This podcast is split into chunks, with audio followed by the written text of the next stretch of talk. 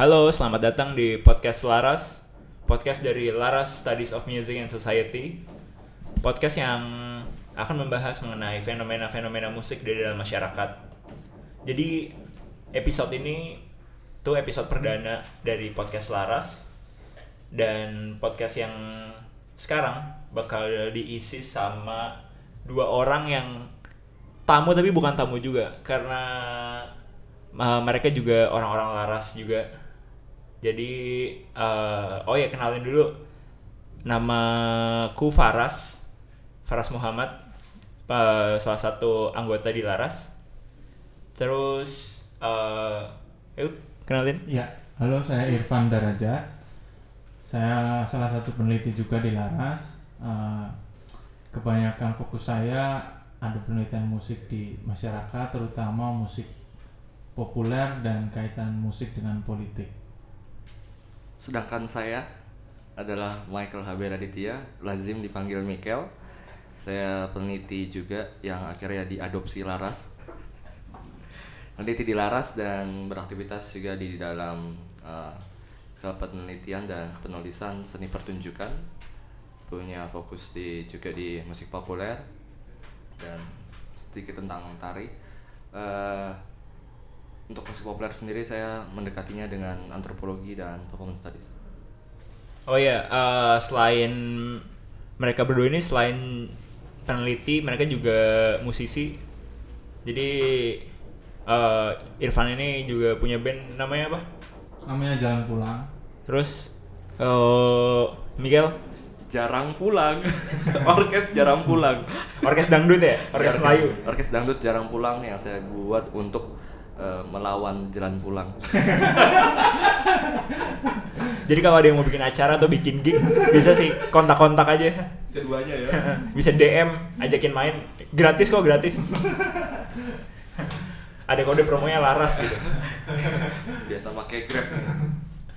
Oke, jadi di edisi perdana ini sebelum kita bahas tema-tema lain yang lebih beragam di edisi selanjutnya, eh, untuk edisi sebagai pembuka, eh, aku pengen ini sih bahas soal topik topik dasar yaitu mengenai penelitian musik. Jadi eh, mereka berdua ini sebagai peneliti musik yang berkarir udah bertahun-tahun lamanya Aduh, jadi udah udah udah ngelotok banget soal serba-serbi mengenai penelitian musik. Nah, eh dari awal tuh eh biar dapat gambarannya, kira-kira sebenarnya penelitian musik tuh memiliki fenomena musik tuh sebenarnya memiliki urgensi apa sih untuk diteliti? Kan karena selama ini eh, musik kan lazim dikenal biasanya hanya sebagai hiburan kan hmm, hmm. fungsinya yang lebih mengarah ke hiburan dan kes- kesenangan ataupun kesedihan yang melibatkan perasaan tapi Iya, iya. eh, mungkin eh, tidak terlalu lazim untuk direspon dengan cara-cara yang lebih serius atau lebih sifatnya akademis gitu seperti eh, penelitian terutama Mm-mm. atau yang berhubungan sama edukasi dan pendidikan. Nah, menurut uh, Irfan dan Mikil nih, kira-kira uh, kenapa sih fenomena-fenomena musik itu tuh perlu dan Hmm. urgent untuk uh, direspon secara serius, terutama dengan penelitian? Ya, kalau aku mulai ya, kalau menurut apa yang aku yang aku pandang, yang aku yakini, musik itu apa salah satu bentuk ekspresi kebudayaan dari manusia. Nah, manusia ini tinggal atau hidup pada satu tempat geografis tertentu.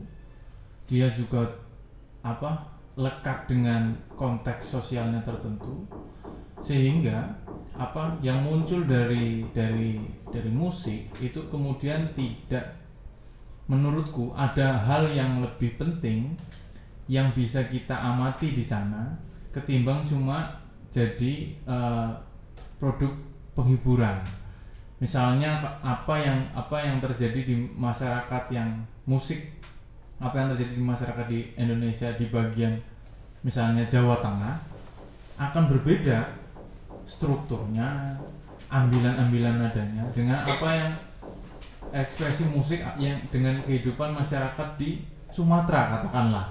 Hal-hal itu yang kemudian membuat saya berpikir bahwa penelitian musik atau atau apa namanya memandang musik itu kemudian menjadi menjadi penting karena dia sangat lekat dengan konteks sosial, konteks politik, konteks ekonomi dan hal-hal ada ada ada macam-macam hal-hal lain yang yang yang bisa di apa namanya di dibaca ketika kita melakukan penelitian tentang musik yang ada di masyarakat. Kira-kira seperti itu. Kalau kalau menurut uh, pendapatku pribadi ya. Meskipun kemudian sudah ada banyak pemikir-pemikir musik yang menyatakan bahwa uh, sebelumnya ya gitu misalnya penelitian musik ini bagus apa penting untuk dikaji untuk melihat bagaimana apa namanya strukturnya bagaimana situasi politiknya bagaimana musik itu sendiri berbunyi gitu kira-kira. Ada yang ada yang secara notasi secara spesifik mengkaji notasinya ada yang meng, mengkaji syairnya ada ada banyak hal yang yang bisa diteliti dari sana yang kemudian itu adalah produk kebudayaan manusia yang kemudian kita bisa amati banyak atau bisa bisa jadi kita melihat lebih dalam gitu. Oh berarti intinya musik tuh akhirnya nggak cuma jadi sebatas hiburan aja ya? Mm -mm, kalau bagiku. Ketika itu diciptakan dan ditampilkan menembus batas-batas dimensi hiburan gitu ya. Hmm, ada ada hal yang lebih penting daripada cuma penghiburan. Ya betul betul itu penghiburan betul itu satu satu apa namanya satu ekspresi manusia. Tapi kenapa kemudian manusia itu kemudian jadi butuh musik gitu sebagai salah satu cara uh, penghiburan, salah satu salah satu sarana apa namanya pelepasan penat atau dan macam-macam gitu ya. Semua contekan saya sudah diambil. Terima kasih. Tapi yang bisa saya coba lihat uh, menariknya musik adalah uh, musik itu sendiri kan menarik. Dia tidak bisa dilihat secara visual, hanya bisa didengar. Uh, tapi mengapa ini penting dan harus dikaji? Karena musik itu akhirnya ketika dia tidak dibunyikan itu ya itu begitu saja. Tapi ketika itu dibunyikan di dalam masyarakat yang berkumpul dalam masyarakat di suatu daerah atau suatu kelompok tertentu itu sudah masuk dalam kajian musik dan masyarakat gitu. Sesederhana itu sih uh, pola pikir yang saya pikir bahwa uh, kajian musik dan sebagainya itu ketika musik itu dibunyikan di mana pun itu udah fenomena musik gitu. Terlepas misalnya tadi bicara tentang musik dan hiburan uh, melihat musik menjadi hiburan pun itu juga sebagai kajian sebenarnya hmm. gitu sih hmm. itu menarik dalam arti ya di situlah ternyata musik itu tidak hanya sebatas uh, bunyi yang misalkan untuk healing atau apa pun untuk mengobati patah hati atau membuat uh, semangat gemuruh lebih riuh wah. tapi dia tadi kata Mas Irfan ini. Dia ekspresi budaya kalau lebih lanjut kan dia akhirnya setiap musik itu punya adalah representasi dari sistem budaya tertentu yang dibuat oleh masyarakat. Nah kontekstual tadi ditautkan juga pasti setiap masyarakat dan setiap musik di mana pun punya konteksnya masing-masing. Nah akhirnya bunyi itu berarti setiap daerah tuh khas, wah khas atau apa ya? Nggak, ya saya bilangnya khas sih. Dan itu akhirnya menarik gitu. Dan musik tidak hanya musik, musik saja, tetapi dia bicara dari musik bisa bicara lebih banyak hmm. dan itu juga menarik apa yang disampaikan tadi juga kita percaya kalau musik itu bisa apa menumbuhkan semangat hmm. mengobati patah hati atau dan lain-lain gitu artinya dia memiliki fungsi-fungsi hmm. yang kemudian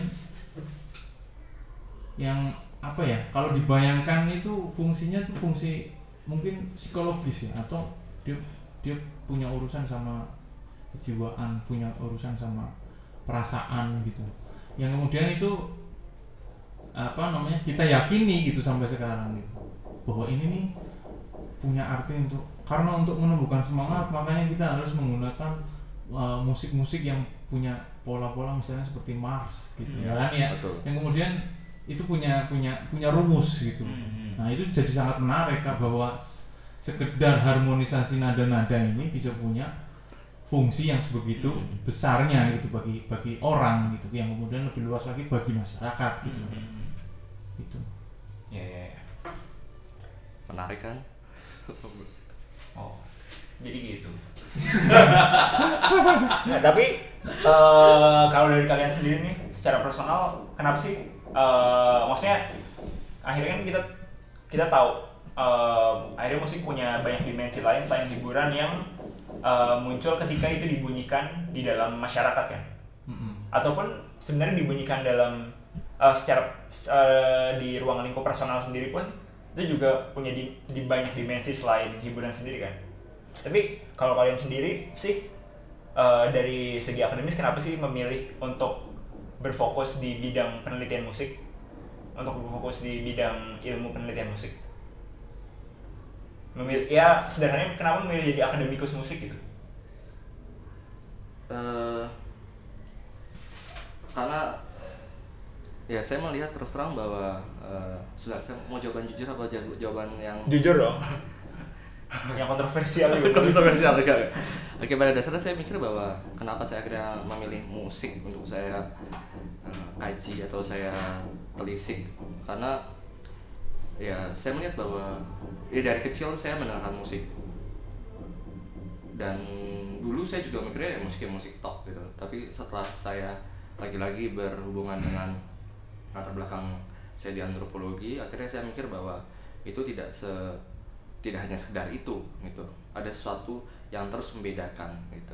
Pada pertama pada tahap pertama saya akhirnya eh, pada tahap mengapresiasi. Dan apresiasi itu turun bahwa oh ternyata ini punya eh, hal yang menarik hal yang menarik terus menerus dan ternyata oh dari musik bisa ngomong sesuatu dan dari Misalnya musik bisa apa? bicara lebih banyak gitu Hmm. Yang misalnya salah satu trigger trigger trigger awalnya yang eh, sampai bisa ngelihat dari apresiasi musik aja.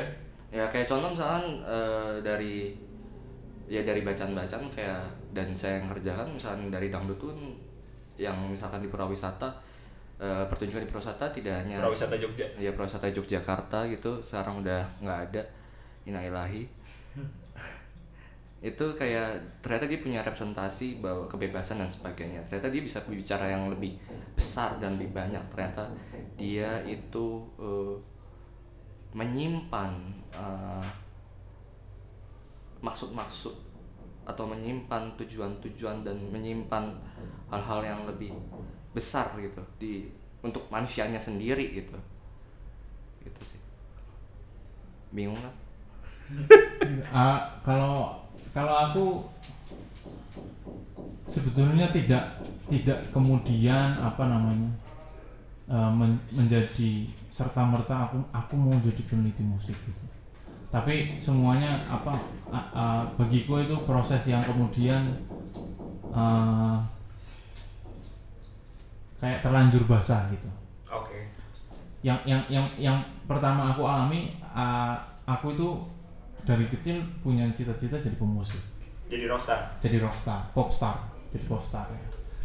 Uh, kemudian uh, itu keca misalnya itu aku aku jalani kemudian dengan uh, aku perjuangkan mimpiku itu dengan cara bikin band gitu misalnya. Ngeband waktu kuliah gitu yang jadi drummer itu ya mas Iya, jadi oh aku jadi macam-macam. Kemudian ketika aku main musik, lalu aku sekolah di ilmu pemerintahan waktu itu. Sekarang namanya politik dan pemerintahan di UGM. Kemudian eh, apa?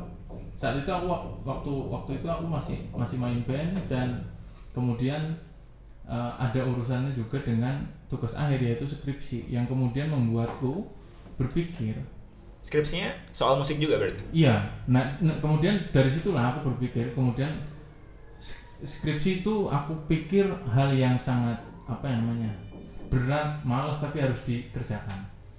Jadi untuk mengerjakan siasatku adalah untuk mengerjakan hal yang bikin males, yang yang dianggap berat, harus aku aku harus mengerjakannya dengan tema yang bikin aku senang. Tema yang bikin aku senang adalah musik gitu misalnya.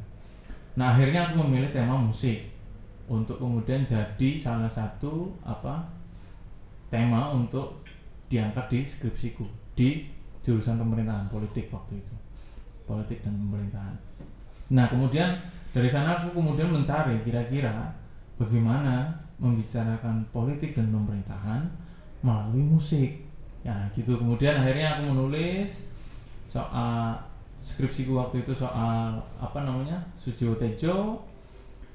Aku bahas eh, kuasa yang yang ada di sana itu itu termasuk apa satu salah satu kajian dalam ilmu politik dan pemerintahan. Jadi aku ingin melihat bagaimana kekuasaan bekerja di dalam musiknya Sujiwo Tejo yang kaitannya waktu itu dengan wacana identitas dan karakter bangsa gitu. Ya udah kemudian dari sana skripsiku kemudian diterbitkan dan dan itu yang kemudian membuatku merasa terlanjur ke, kecemplung gitu. Yang akhirnya aku di, di kemudian aku harus bertanggung jawab gitu. Dan aku memiliki bertanggung jawab ke? Bertanggung jawab kepada diriku dan kepada orang lain. Ketika sudah ada publikasi oke. kamu akan dilihat bahwa kamu bisa menulis uh, kajian musik dan politik kemudian itu harus kamu pertanggungjawabkan kan? Nah dari sana aku terus terus menerus apa me- me- me- me- mendalami hal itu men- menjadikan itu men- ja- uh, salah satu fokus yang harus aku perdalam. Terus aku apa namanya misalnya baca kemudian pola-pola penulisan apa musik itu seperti apa. Dari sana aku juga baru ngulik nih Hmm. penelitian-penelitian musik yang lain itu seperti apa meskipun waktu itu aku ngulik ya untuk kebutuhan skripsi tapi setelah penulisan skripsi justru proses untuk menjadi penulis musik atau peneliti musik itu itu yang aku rasa uh, baru baru aku mulai kemudian gitu. jadi tahun 2000 apa sekitar 2012 atau itu aku mulai memberanikan diri me- membicarakan apa musik dangdut koplo di Indo Progress itu artikel pertama. Terus lama-lama aku ya terus apa namanya mendalami itu. Melihat atau mengkaji musik dengan cara pandang yang eh, erat kaitannya dengan konteks sosial dan politik kemudian waktu itu. Yang kemudian aku lanjutkan lagi sekolah S2 di apa namanya kajian budaya dan media akhirnya aku sudah tahu aku mau meneliti apa dan bagaimana cara mengambil sudut pandangnya yang kemudian eh, dalam proses sekolah itu juga waktu itu aku juga terus menulis menulis apa namanya soal musik dan masyarakat. Yang kemudian aku juga gabung sama Laras Hmm. eh, tahun 2000 berapa ya mas ya? Waktu itu. 15 14 15 pokoknya awal-awal Laras itu aku kemudian baru gabung eh, karena kelompok ini komunitas ini memiliki apa namanya kayak kesamaan pikiran gitu dengan apa yang aku Asik. kerjakan secara individual waktu itu gitu. Terus oh ternyata di sini banyak teman-teman yang melakukan hal yang sama gitu kemudian akhirnya jadi jadi apa namanya jadi gabung gitu. Yang kemudian ya udah kita fokus untuk uh, menajamkan masing-masing apa yang kamu mau apa yang kamu mau apa yang kamu mau gitu, gitu sih. Mas Mikil mungkin mau nambahin? Aku nambahinnya wah dengar cerita Irfan inspiratif sekali ya kalau aku malah mulai nulis musik itu dan mulai berani itu setelah S2 justru emang Hmm. S2 nya Tidak. belum ngomongin musik ngomong musik tapi bukan berarti tapi Mas Mikil ini kan juga ngomongin seni pertunjukan Iya, ngomongin tari ya saya Nah, uh, jadi ada ada ada ada lintasan-lintasan seni yang lain gitu yang yang dilakukan penelitian yang lain yang ya dilakukan Mas penelitian Mikil. lain dilakukan tapi intinya waktu sekolah itu pak saya tidak. Aduh.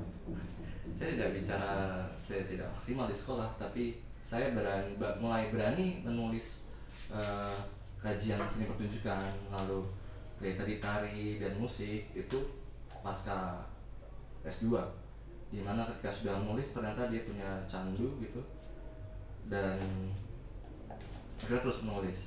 Emang di S2 itu berarti tesisnya ya yang mulai fokus ke musik ya? Iya. Saya Ng- ngomongin apa tuh? Dangdut goblok dangdut koplo tentang senggaan. Senggaan. Ya. Hai hai cos. gimana gimana Hai hai cos. O A O E lah. oke Gitu. wah menarik banget tuh Mm-mm. bisa dibaca di mana tuh risetnya Bisa dibaca di kamarnya dia Di kamar. Jadi yang mau sini sini kalau yang mau baca langsung DM lagi datang ya DM ke Instagram saya. Oh gitu.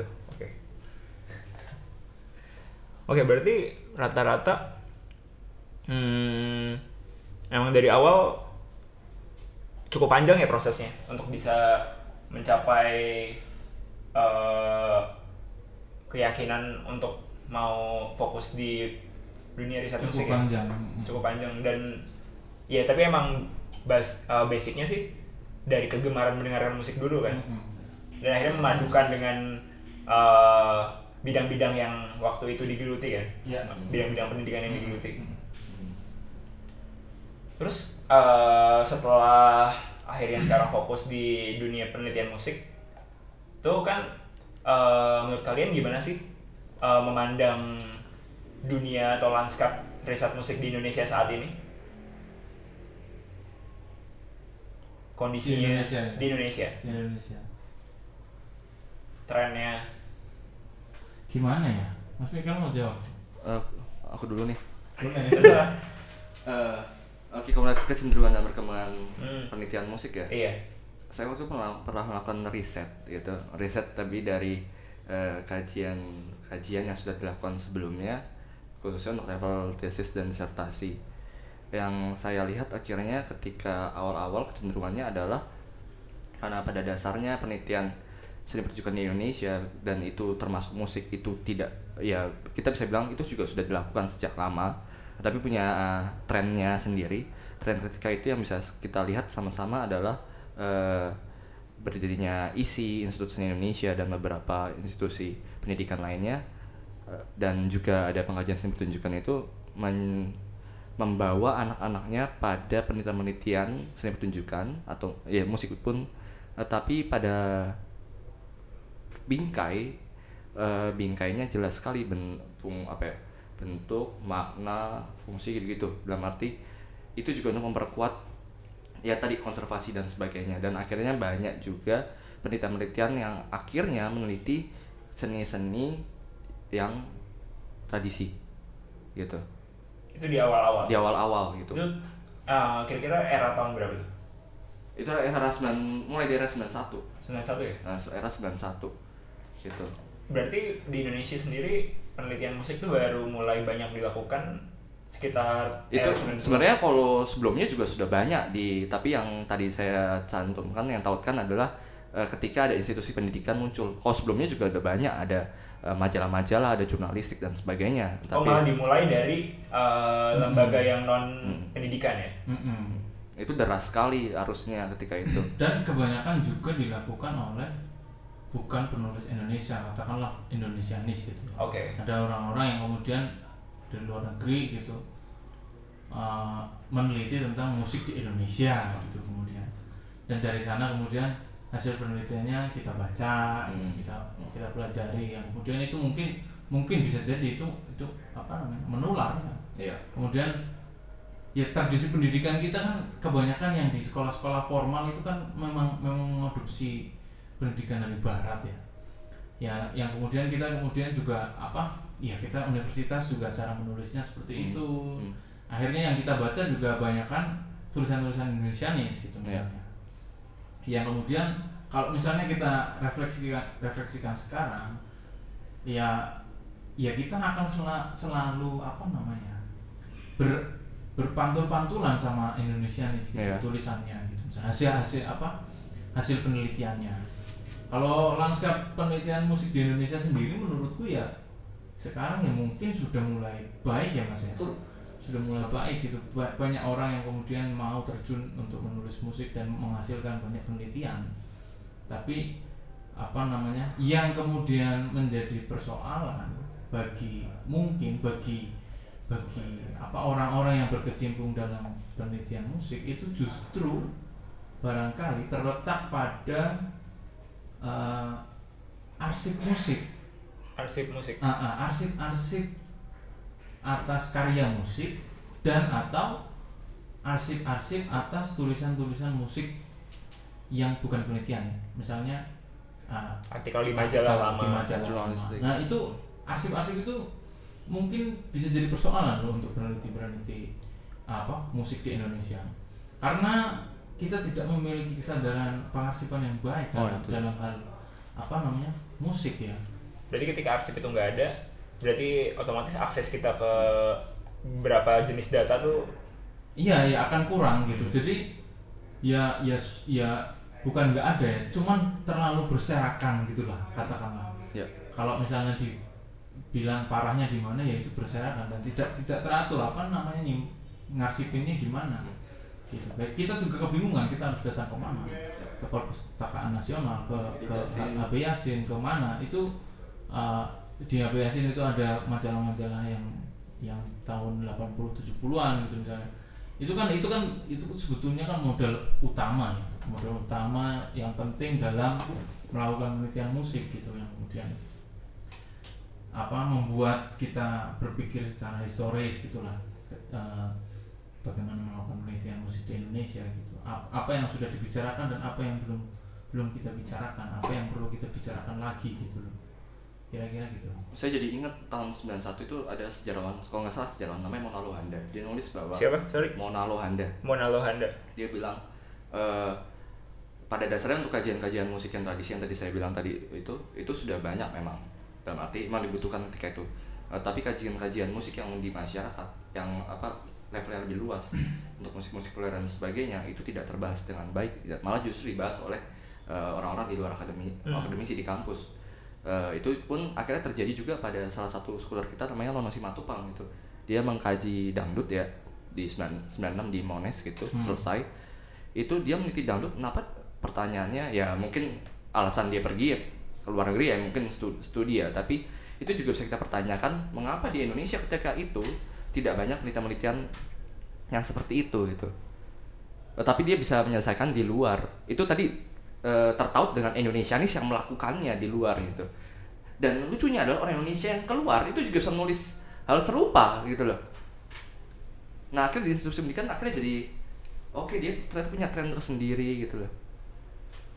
Dan jujur betul sekali bahwa penghasilan musik kita itu sangat eh, ya berserakan. Contoh kayak eh, literatur literatur yang digunakan uh, Lono Simatupang waktu itu tidak banyak tentang referensi-referensi musik populer ak- akhirnya.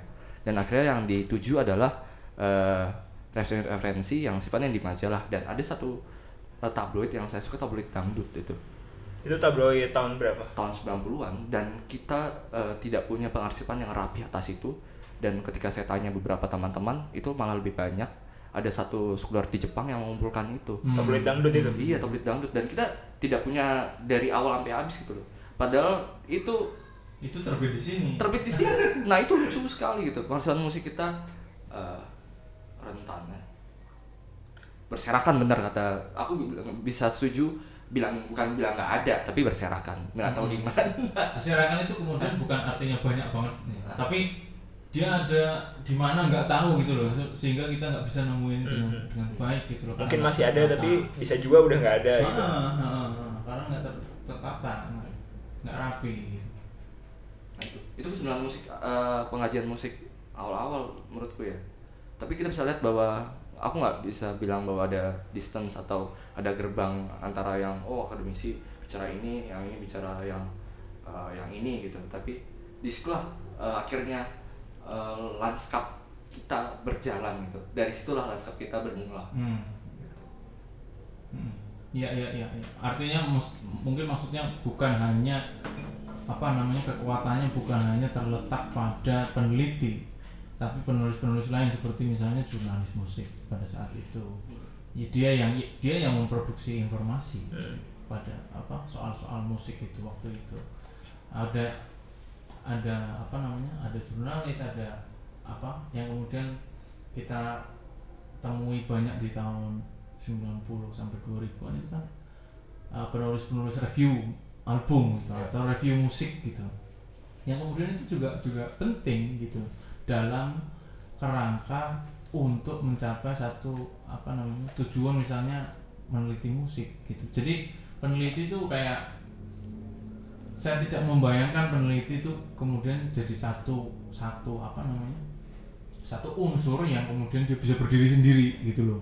Enggak tapi dia butuh jurnalis dia butuh pengarsip dia butuh butuh banyak teman-teman yang lain untuk mencapai apa yang mau dia kerjakan sebetulnya seperti itu. Tapi ada yang menarik juga gak sih? Misalkan kalau tadi kita pikir bahwa ternyata eh, di kajian pun dia punya kecenderungan rezim tertentu ya. Mungkin apakah ada hubungan dengan negara ya menentukan? Misalkan negara menentukan atau memikirkan oke di musik saya mau menciptakan ini. Akhirnya itu tertular dari institusi pendidikan akhirnya fokusnya ke mungkin seni tradisi dan sebagainya.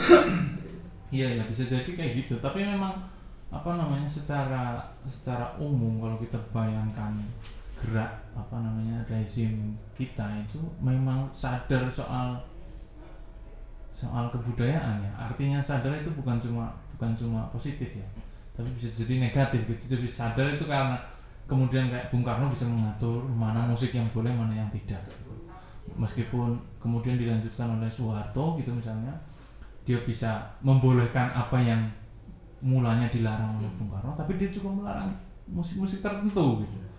Yang kemudian itu sangat berpengaruh terhadap pemusik, penulis musik, dan peneliti musik pada saat itu kemudian. Sepakat. Ya, jadi itu memang memang kemudian ada ada satu apa keter, keterkaitan terus menerus dengan rezim dengan politik gitu. Kalau saat ini kira-kira gimana? Eh, relasi antara rezim rezim politik yang sekarang dengan eh, lanskap penelitian musik di Indonesia.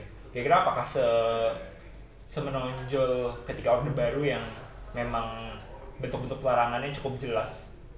Kan kalau sekarang bisa dilihat kan kayak eh, ekspresi musik kan jauh lebih Hmm. lebih mudah kan dan lebih bebas untuk ditampilkan di publik. Nah itu eh, gimana tuh kalau sekarang? Kalau saya melihat bahwa kajian akhirnya bicara bahwa eh, keterbukaan ini juga didasarkan pada Orde Baru dan reformasi dan berakibat dengan demokrasi ya. saya melihat bahwa penelitian-penelitian Orde Baru kan dulu tidak tadi benar dibilang bahwa diatur alhasil dalam peneliti musiknya juga agak sedikit teratur gitu. Yang menarik adalah akhirnya ada yang boleh dan ada yang tidak diteliti gitu. Tapi di setelah Orde Baru selesai, bagi saya penelitian-penelitian musik mulai riuh, eh, tapi mereka mencari bisa melakukan segala sesuatunya gitu. Walaupun kita juga tahu di Orde Baru, eh, ser- demokrasi pun juga ada beberapa musik yang eh, apa, eh, tidak bisa main juga gitu. Tapi setidaknya untuk kajiannya, apa yang saya lihat di setelah 98 itu khususnya, da, itu lebih punya apa ya variasi dalam penelitian musik Iya, yang tadinya hanya untuk fungsi makna bisa lebih luas gitu bisa bicara tentang musik eh, tidak yang fungsi makna ya bisa bicara identitas dan sebagainya. Lalu misalkan untuk kecenderungan penelitiannya objek kajiannya atau subjek kajiannya itu tidak hanya tentang musik tradisi tapi juga bisa bicara tentang musik-musik yang tidak tradisi. Waduh apa, maksudnya adalah musik-musik yang populer gitu gitu atau musik kontemporer dan sebagainya gitu. Itu yang saya lihat kajian kita mulai eh, dia sudah ada tapi mulai tumbuh mulai tumbuh itu ya reformasi. Salah satunya. Kajian musik populer. iya. Perluasan dan variasi penelitian-penelitian musik yang lebih beragam. Gitu. Kalau iya iya. Apa? Barangkali memang ada benarnya tapi kemudian apa? Bahwa ada kebebasan ada kebebasan setelah era reformasi kemudian banyak sekali variasi-variasi tema yang muncul kemudian yang dulu tidak ter- terbicarakan sekarang kemudian bisa dibicarakan dengan lebih apa namanya terbuka. Tapi juga barangkali ada hal yang eh, belum benar-benar bisa kita amati betul karena kita sama-sama menghidupi zaman ini. Se- sehingga kalau terlibat langsung dengan mengamati dari jauh itu kan berbeda. Nah itu barangkali ada hal-hal yang terlewat yang belum belum kita baca. Apa kemudian untuk membaca gerak setelah reformasi itu kan banyak banyak sekali patahan sebetulnya. Ah, misalnya kalau kita mau mengkategorisasikannya dengan rezim politik misalnya. Misalnya setelah reformasi siapa itu ada ada pengaruh yang yang yang apa namanya yang yang yang real nggak sih? Yang konkret nggak dari dari rezimnya? Gus Dur Megawati uh, SBY SBY suka menyanyi gitu Hmm. membuat album itu apakah kemudian uh, dari sana derajat pemusik menjadi terangkat lebih terangkat saya kira kan nggak nggak nggak nggak nggak kemudian seperti itu Iya, betul. bahwa bahwa bahwa rezim Jokowi mengajak banyak pemusik dalam kampanyenya bahwa rezim Jokowi me- men- mendirikan apa badan ekonomi kreatif yang secara khusus untuk terlibat dalam uh, kebudayaan itu yang kemudian banyak sekali kemudian pintu-pintu soal kebudayaan itu terbuka. Tapi barangkali juga kita belum bisa mengamatinya dengan lebih Oh, iya. terang gitu karena kita barangkali ter- terlibat dan dan apa ada dalam pusaran yang sama gitu. Sehingga mungkin kita dalam mengamatinya agak agak agak bias gitu. Mungkin kita bisa me- dengan lebih dalam mengamatinya setelah kita mengambil jarak dari sana. Hmm. tapi memang betul kenyataan-kenyataan yang bisa kita catat itu memang variasi-variasi. Dalam penulisan musik sekarang itu memang memang uh, variatif sekali gitu. Dia banyak menghadirkan apa hal-hal yang tidak bisa dibicarakan pada era-era sebelumnya. Ada ada ke- ada apa namanya inisiatif-inisiatif penting misalnya dalam dalam pengambilan tema-tema apa penelitian musik gitu misalnya aku aku pikir gitu Berarti eh, kalau kondisinya udah lebih bebas daripada era yang dulu dan eh, kondisi penelitian musiknya pun sekarang sudah semakin baik. Kira-kira tuh arah seperti apa sih yang perlu diambil oleh misalnya penggiat penggiat penulisan musik atau peneliti musik khususnya. Kira-kira eh, tantangannya apa sih dan kira-kira arahnya tuh idealnya mau ke mana gitu dari kondisi yang sekarang Udah kayak cenayang ya?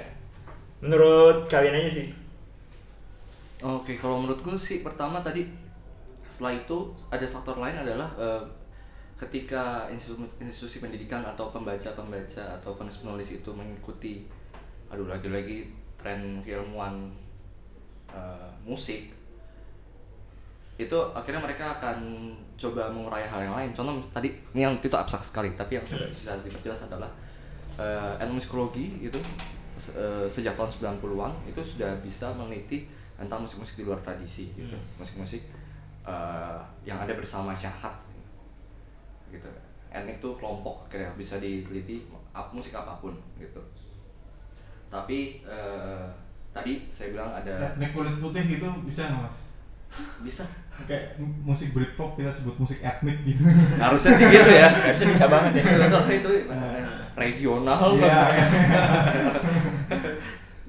gitu.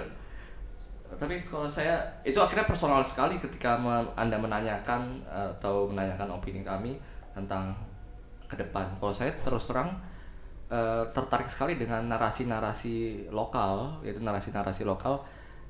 Jadi di lanskap Indonesia ini banyak sekali musik-musik mau tradisi atau populer atau musik kontemporer sekalipun itu yang belum kita bahas secara eh, mendalam gitu. Bagi saya narasi-narasi lokal itu ternyata bunyi untuk tidak hanya eh, mengamini narasi lokal tuh kira-kira narasi lokal dalam arti penelitian-penelitian yang dilakukan di daerah-daerah gitu. Hmm. Gitu. daerah mana Semua yang pasti oh satu hal yang menarik. Eh, kemarin saya baru apa eh, ngobrol gitu dengan dengan eh, kawan peneliti dari UCLA dan akhirnya kami sama-sama amini bahwa ternyata di kepenulisan musik dan seni pertunjukan khususnya itu ada kecenderungan bahwa Indonesia biasa lazimnya yang dibahas adalah eh, Jawa, Sunda, Bali. Kalau Sumatera pun eh Padang Panjang. Nah, kita perlu menggiatkan untuk menggali narasi-narasi di luar eh, daerah-daerah tersebut gitu. Itu sih kalau menurut saya bahwa kita harus membahas segala sesuatunya. Akhirnya kita bisa membaca kebudayaan dari musiknya. Wah sebagaimana antropologi bekerja. Oh berarti eh, sederhananya arahnya itu berarti berarti harus kembali lebih ke dalam ya. Misalnya maksudnya eh, menggali melihat ke diri sendiri. Untuk menggali narasi-narasi yang ada di sekitar kita dan betul. Tapi tidak untuk kemungkinan tadi kita juga bisa meneliti musik luar gitu. Eh, tapi kalau menurut saya eh, banyak daripada diambil Indonesianis waduh ini tendensi sangat norak sekali sebenarnya. Tapi yang saya lihat bahwa narasi-narasi lokal dan penelitian di daerah-daerah tentang musik-musik itu itu perlu digiatkan. Contoh misalnya di musik tradisi, sasando itu tidak masuk dalam belum masuk dalam kajian yang serius atau mendalam di lanskap musik eh, apa tradisi di Indonesia gitu. Lalu misalnya musik populer ada pop dawan, terus ada pop gayo, ada eh, pop ambon yang baru mulai digiatkan akhirnya baru mulai dikerjakan dan sebagainya. Kalau ideal apa ya yang aku bayangkan itu sebetulnya lebih kepada apa ya bagaimana peneliti Indonesia itu memiliki apa ya kerangka berpikir yang eh, tentu saja ini ber- punya punya pengaruh pada pada pemosisian diri kita gitu. Nah, Pemosisian Iya, pemosisian dalam hal apa? dalam ar- dalam arti kayak kita nggak usah minder gitu sama penelitian-penelitian yang dilakukan oleh orang di luar Indonesia bahwa kita perlu eh, apa mata dari orang Indonesia untuk meneliti musik Indonesia yang kemudian tidak perlu kita apa namanya ya eh, apa artinya ber, ber- terus terus menerus bertumpu pada penelitian-penelitian yang eh, datangnya bukan dari orang Indonesia. Sebetulnya orang Indonesia atau bukan itu sebetulnya eh, bukan persoalan, tapi yang kemudian menjadi terus menerus menjadi persoalan kan adalah bagaimana kita memposisikan diri kita gitu. Kalau kita mem- memposisikan diri kita sebagai orang yang sama, yang setara gitu, pengetahuannya juga setara, itu kan kemudian jadi nggak nggak bermasalah gitu. Nah, kemudian yang aku bayangkan peneliti-peneliti yang ke depan ini kan idealnya memiliki cara berpikir yang setara gitu untuk melihat fenomena-fenomena apa pun yang ada di Indonesia ataupun di luar Indonesia itu setara kar- ka- karena kalau misalnya orang dari luar Indonesia bisa meneliti musik Indonesia kita orang Indonesia juga bisa meneliti musik di luar Indonesia. Ah, ini ini ada persoalan sama apa ya? Ah, mental-mental postkolonial ya itu misalnya. Hmm. yang yang kemudian cara pandang itu mungkin barangkali masih ada. Apalagi dalam institusi pendidikan misalnya. Jelas. yang kemudian Seperti? yang enggak maksudnya bagaimana institusi pendidikan formal di kita itu kan masih punya tradisi barat gitu. Kita masih mengadopsi banyak metode mengajar ya, seperti yang ada di barat eh, cara menulis cara cara melihat gitu. Nah jangan-jangan kita terlalu lama terpengaruh dengan cara memandang orang luar memandang bagaimana musik Indonesia. Itu kemudian kita sebagai orang Indonesia meneliti musik Indonesia itu seperti kita orang bule meneliti musik Oh. Indonesia. Kita mempunyai kekaguman kekaguman kolonial gitu loh. Itu yang kemudian uh, aku pikir udah nggak nggak nggak relevan gitu dimiliki oleh apa peneliti-peneliti Indonesia sekarang gitu. Dan dan ya kita melihat bagaimana cara kita melihat kita meneliti dangdut barangkali akan berbeda dengan Indonesia ini meneliti dangdut. Karena kita lahir misal aku lahir gitu di Jawa yang kemudian sudah ketemu musik dangdut da- dari zaman segitu. Yang kalau misalnya musik dangdut tidak terlalu apa namanya wah bagiku ya itu karena aku menikmatinya setiap hari gitu. Dan aku bisa mengambil sudut pandang yang lebih berbeda kemudian. Nah itulah. Maksudnya pemosisian diri yang seperti itu yang yang aku bayangkan bisa jadi ideal buat penulis bukan hanya peneliti saja di Indonesia. Yang kemudian itu jadi persoalan yang apa ya penting nggak penting. Tapi menurutku itu lumayan lumayan mengganggu pikiranku gitu loh. Kalau misalnya misalnya dalam ranah kajian penelitian musik gitu apalagi gitu ya. Kalau misalnya kita mau ngaji apa musik tradisional di Indonesia itu kan matanya orang yang Indonesia apa orang yang sudah Hmm. berkeseharian di sana itu kan tentu saja akan berbeda cara pandangnya dengan matanya orang yang uh, uh, dari dari dari luar Indonesia. Aku pikir seperti itu. Dan kita memiliki pengetahuan-pengetahuan yang setara gitu. Pengetahuan itu tidak hanya formal dari pengetahuan barat saja gitu gitu kira-kira seperti itulah Hmm. kalau aku membayangkan ideal itu kita bisa menawarkan cara pandang atau pengetahuan-pengetahuan yang yang yang yo- yang lokal gitu yang yang kita miliki gitu kira-kira gitu Oke, berarti eh, dari situasi penelitian musik di Indonesia yang udah dijelasin tadi tuh yang banyak faktor beririsan di dalamnya kalau kita kita ini tuh dilaras sebagai ruang al ruang alternatif ya. Ruang alternatif dalam uh, ranah penelitian musik itu sebenarnya posisinya ada di mana sih? Dalam konteks dan lanskap yang luas tadi. Hmm. Ya kalau aku pribadi ya melihatnya itu apa? Yang yang ada di Laras itu. Kemudian tidak apa ya? Tidak karena orang-orang yang tergabung di Laras itu kemudian berasal dari latar belakang yang berbeda-beda. Nah, jadi kemungkinan untuk mendekati satu topik dengan apa disiplin ilmu yang berlintasan gitu artinya yang macam-macam itu kemudian menjadi sangat sangat terbuka gitu. kayak misalnya aku dari ilmu politik kamu dari komunikasi Mas Michael dari antropologi nah hal-hal semacam itu yang kemudian uh, sebagai ruang uh, ruang pertemuan ruang pertemuan apa gagasan itu kita sesama apa namanya anggota sesama orang yang menghuni ruang itu itu bisa saling bertukar pikiran bisa saling bertukar gagasan bisa saling ber, memberi masukan, memberi kritikan. Nah, hal itu untuk apa namanya orang yang ada di dalamnya gitu loh. Kemudian untuk keluarnya itu yang kemudian uh, apa ya? Yang dibayangkan visinya itu adalah sesederhana me, mengamati musik yang terjadi pada yang musik yang ada dalam masyarakat. Itu visinya paling-paling sederhana itu yang kemudian kamu mau mendekatinya dengan cara uh, disiplin ilmumu silahkan kalau kamu mau mendekatinya dengan cara uh, misalnya bukan bukan kan kadang-kadang kalau misalnya melakukan penelitian itu kan apa yang yang yang kemudian ditanyain itu kan metodenya apa? Teorinya apa?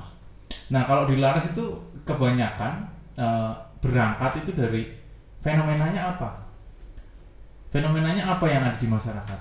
Oh aku menemukan fenomena seperti ini seperti ini seperti ini. Gimana ya cara mendekatinya? Nah kemudian itu yang kemudian uh, jadi berbeda gitu pendekatannya dengan apa misalnya apa yang kita temui dalam pendidikan di institusi formal gitu misalnya mendidik me, me, mendekati itu. Jadi yang penting dia ada di masyarakat. Dia tidak ada di salah satu ruang hampa gitu.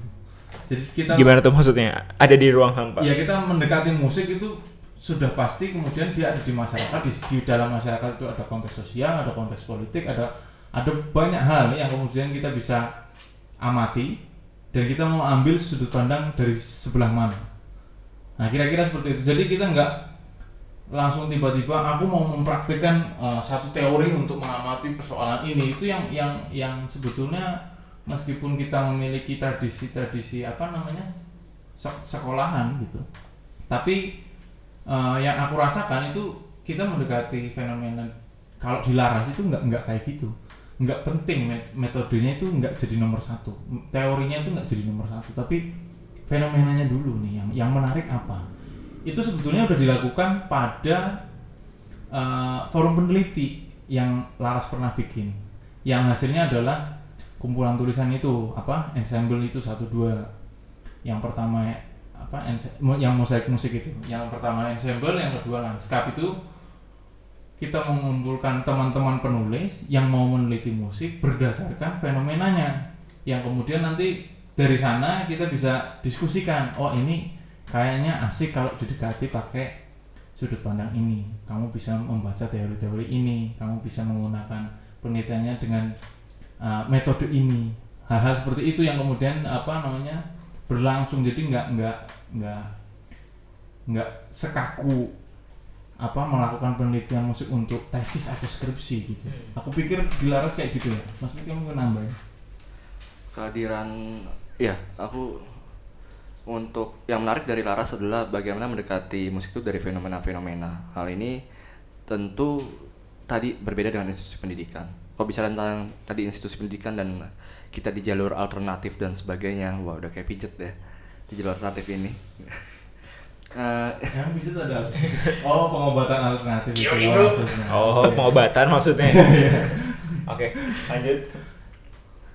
Nah, di institusi pendidikan dulu ketika 90-an ada MSPI itu Masyarakat Seni Pertunjukan Indonesia yang tadinya dari Masyarakat Musik Indonesia saya berpindah jadi Masyarakat Seni Pertunjukan Indonesia dan itu mengisi kekosongan-kekosongan yang tidak dilakukan oleh institusi pendidikan jadi kayak apa em, menambal. Jadi MSP ini Dulu. formatnya tuh seperti kayak komunitas gitu? Ya dia kelompok. Atau jadi lembaga. lembaga ya lembaga tapi di luar kampus.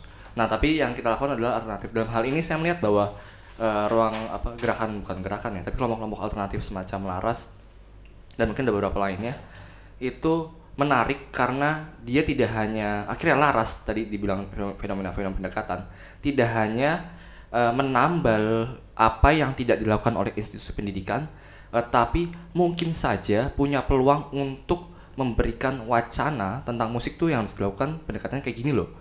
Gitu-gitu sih. Akhirnya akhirnya di dalam iklim dan ekosistem kita jadi sehat di mana institusi pendidikan kayak gini dan kelompok yang laras lakukan seperti ini dan ada diskusi dialog gitu. Itu yang menarik. Yang lainnya adalah yang dilakukan laras dengan mengakomodasi berbagai macam apa eh, latar belakang dan eh, perhatian. Yang menarik adalah kalau misalnya kita eh, kita coba sandarkan pada eh, keilmuan musik ada sekarang kan tidak hanya musikologi tapi ada musik studies gitu. Yang musik studies bagaimana dia bisa didekati dengan disiplin apa pun lintas disiplin. Nah Laras melakukan itu gitu. Itu yang menarik. Jadi menurut saya Laras punya posisi di mana pendekatannya itu lintas disiplin karena Mas Irfan politiknya tajam gitu. Lalu eh, Mas Faras komunikasinya juga tajam gitu. Dan akhirnya penelitian-penelitian musik bisa didekati dari apa pun itu bagi saya tawaran. Dan yang kedua tadi fenomena itu menarik sekali. Dalam arti eh, dari fenomena kita tidak kaku kita lebih cair itu saya melihat bahwa eh, ruang seperti ini bisa memberikan tadi alternatif pendekatan alternatif eh, bukan pendekatan tapi alternatif perspektif untuk mengulas fenomena musik. Eh, tapi dia tidak hanya menambal kekosongan di institusi pendidikan tapi juga mungkin bisa jadi ya semoga bisa jadi eh, garda depannya penelitian musik.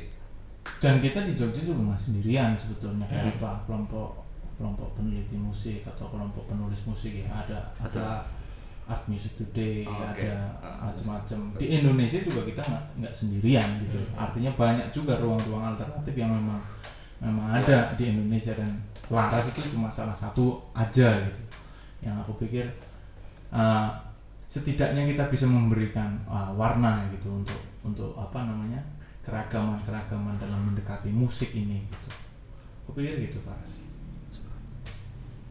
Berarti intinya uh, Laras itu ada di uh, ruang-ruang penelitian musik yang utamanya lintas disiplin ya. Mm-mm. dan Dan dan ya tidak terpaku pada bidang tertentu aja ya untuk uh, mengupas fenomena-fenomena musik yang ada. Jadi bisa lebih lebih apa cair lebih cair. ya, ya. dan juga kita juga apa di di di di, di Laras juga yang yang apa yang menurutku kemudian cukup menonjol itu bagaimana concern kita terhadap popular music studies gitu Iya, ya. betul. Jadi beberapa teman-teman memang memang kemudian memiliki ketertarikan khusus terhadap pop- popular music studies yang kemudian di sana apa kajian musik populer itu kemudian kita uh, bahasakan lagi kita kita kaji lagi yang yang yang yang dimaksud itu apa apakah dia hanya mengkaji uh, musik yang berlariran pop Wah, tentu Hmm. bukan itu kan. Yang yang yang kemudian ini memang ya, apa gelombang kajian apa musik populer ini memang memang cukup cukup penting dan itu kadang-kadang terlewat ya. Tidak tidak tidak banyak yang membicarakannya. Padahal di di di di luar banyak sekali yang mendekati uh, musik-musik yang ter- yang yang ada sekarang dengan kajian-kajian musik populer gitulah. Contoh kayak yang harus kita pernah lakukan kayak PN-PN itu pembahasan-pembahasan Iya, iya. yang menarik ya mas ya? Nah, itu preliminary notes. ya preliminary notes ya. Dalam arti dia bicara tentang musik dan apa ya waktu itu ada agama. Agama. Ada politik. Politik betul. Uh, ada aktivisme. Uh, gender. Ada gender gitu. Ah, ah. nah itu dibahas. Jadi apa menariknya dalam arti ada ruang diskusi. Justru ada menciptakan ruang diskusi juga tentang yang tadi lintas-lintas ini. Dalam arti uh, musik bisa dikuliti dari apa pun gitu. Hmm, hmm, hmm, hmm. Tidak hanya ada preliminary notes yang diskusi sudah penulisan tadi Mas Irfan sudah uraikan eh, sing gambar itu akhirnya jadi ada produknya juga